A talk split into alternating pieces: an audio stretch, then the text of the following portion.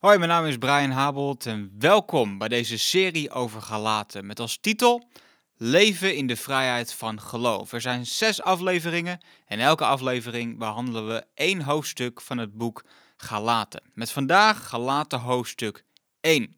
Ik wil met je lezen vers 6 tot 12 van het eerste hoofdstuk van Galaten vanuit de NBV-vertaling. Daar staat... Het verbaast me dat u zich zo snel hebt afgewend van Hem die u door de genade van Christus heeft geroepen, en dat u zich tot een ander evangelie hebt gekeerd. Er is geen ander evangelie. En er zijn alleen maar mensen die u in verwarring brengen en het evangelie van Christus willen verdraaien. Wanneer iemand u iets verkondigt dat in strijd is met wat ik u verkondigd heb, al was het ikzelf of een engel uit de hemel, vervloekt is hij. Ik heb het al eerder gezegd en zeg het nu opnieuw. Wanneer iemand u iets verkondigt dat in strijd is met wat u hebt ontvangen, vervloekt is hij. Probeer ik nu mensen te overtuigen of God? Probeer ik soms mensen te behagen? Als ik dat nog zou doen, zou ik geen dienaar van Christus zijn.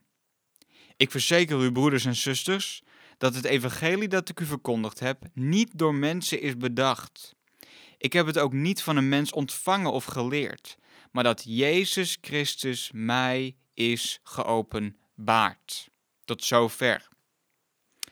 Het onderwerp van vandaag is geen verwarring meer. Nou, als we dit boek in gaan duiken, is het belangrijk om te weten en te realiseren wat de achtergrondinformatie is. Wie heeft dit boek geschreven? Paulus. Aan wie heeft hij het geschreven? Hij heeft het geschreven aan de kerken in Galatië. Nou, Galatië was een grote provincie gevormd door de Romeinen. En vandaag ligt het huidige Turkije in deze regio. En Paulus die was lang geweest in deze regio op zijn eerste zendingsreis. Hij heeft een aantal zendingsreizen gedaan. En dit was het gebied waar hij in zijn eerste zendingsreis aankwam. Hij heeft een aantal kerken gesticht in deze regio. En in deze brief, wat ook waarschijnlijk Paulus zijn eerste brief is die hij heeft geschreven, schrijft hij aan deze hele provincie en aan verschillende kerken in deze regio. Nou, waarom is dit boek geschreven? De Galaten die hadden het ware evangelie van Jezus Christus gehoord. Ze hadden het ontvangen. Ze hadden het gehoord dat Jezus in staat is om hun zonde te vergeven, om hun een nieuw persoon te maken. Ze hadden de Heilige Geest ontvangen. Maar er was een probleem. En wat was het probleem? Nou, er waren twee groepen mensen die tot geloof waren gekomen. Er waren de Joodse mensen die tot geloof in Jezus waren gekomen. Dit noem je ook wel de Judaïsten. En er waren mensen met een niet-Joodse achtergrond die ook tot geloof in Jezus waren gekomen. En alhoewel deze twee groepen nu christenen waren, volgers van Jezus, hield die ene groep, die Joden die christenen waren geworden, de Judaïsten, nog steeds vast aan de wet van Mozes van het Oude Testament. En één ding van die Joodse wet was iets waar ze echt wel trots op waren en iets wat ze nog steeds uh, ja, erin wouden houden, om het zo maar even te zeggen. En dat was namelijk besnijdenis. Besnijdenis was een uiterlijk ritueel wat je deed als Joodse man. En dat was het teken dat jij echt bij het volk van God hoorde.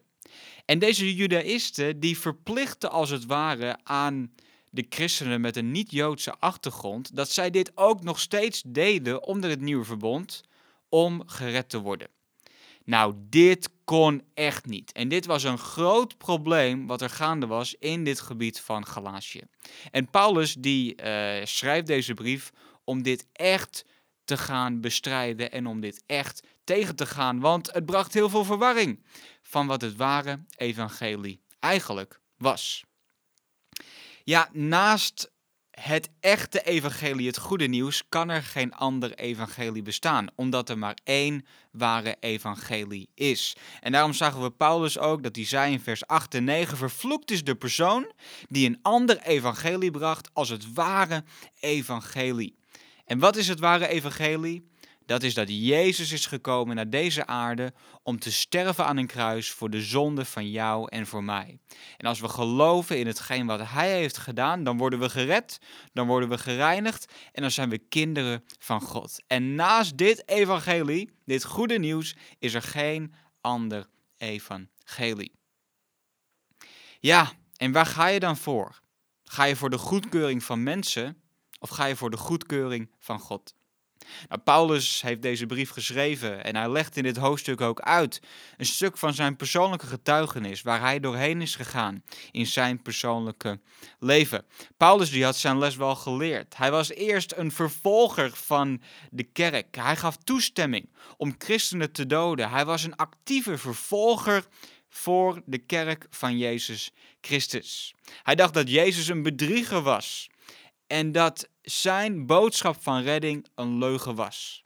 En in een bepaalde zin was dat vanuit Paulus, wat ook een Jood was trouwens, um, hield hij als het ware ook vast aan die wet van Mozes en wou hij dit nieuwe verbond onder Jezus niet accepteren. Op een gegeven moment was hij op reis naar de stad Damascus om daar ook weer opnieuw christenen te vervolgen en te vermoorden. Maar op dat moment ontmoette hij Jezus in een openbaring. Hij liet zichzelf zien. En hij ontving een roeping om naar de heidenen te gaan. Dat zijn de niet-Joden, de mensen zonder Joodse achtergrond. En hij ging daar naartoe om die het ware evangelie te vertellen. En dan vind ik dat zo mooi. Dan staat er in Galaten hoofdstuk 1, vers 15 en 16, daar staat het volgende. Maar toen besloot God, die mij al voor mijn geboorte had uitgekozen en die mij door zijn genade heeft geroepen, zijn zoon in mij te openbaren, opdat ik hem aan de heidenen zou verkondigen. En ik heb toen geen mens om raad gevraagd, zegt Paulus hier. Met andere woorden, Paulus was zo zelfverzekerd van de waarheid van het evangelie en wat dat betekende voor hem, dat hij geen mens om raad vroeg om te doen wat God van hem vroeg. Hij maakte het niet zo echt uit wat mensen van hem dachten, omdat hij liever de goedkeuring van God wou. En als we helemaal aan het einde lezen van uh, Galaten hoofdstuk 1, vers 23 eh, en 24, toen zeiden de mensen, de man die ons vroeger vervolgde, verkondigt nu het geloof toen hij, uh, wat hij eerst probeerde uit te roeien. En zij prezen God om mij. Zie je dat verband? Omdat het hem niet uitmaakte wat mensen over hem dachten, maar alleen wat God over hem dacht, prezen de mensen God vanwege hetgeen wat Paulus deed. Is dat niet mooi? Wat we zien in vers 12, het einde van het gedeelte wat ik zojuist aan jullie gelezen heb, zien we dat hij de openbaring had van Christus. De openbaring van Jezus in zijn persoonlijke leven. Nou, als jij luistert op dit moment, wil ik jou een vraag stellen. Heb jij die openbaring van Jezus gehad voor jouw leven? Misschien ben je wat verward. Verward van wat nu echt de waarheid is. Beste vriend, beste vriendin, ik wil jou vertellen dat Jezus de weg, de waarheid en het leven is. Misschien hebben mensen verschillende dingen gezegd tegen jou. Misschien ben je verward. Misschien lijkt het ware evangelie voor jou wat verdraaid. Jezus is de waarheid. En als je Hem aanneemt in je leven, dan mag je weten dat Jezus komt wonen in jouw hart. En dan kan er een spanningsveld zijn. Ga ik mensen behagen? Ga ik doen wat mensen van mij vinden? Of ga ik handelen zoals mensen willen dat ik handel? Of ga ik leven zoals God het van mij vraagt? Maak een keuze vandaag. Je kan heel simpelweg komen tot God in gebed en weet dat Hij er is en dat Hij voor jou wil zorgen. Hey, tot zover Galaten hoofdstuk 1.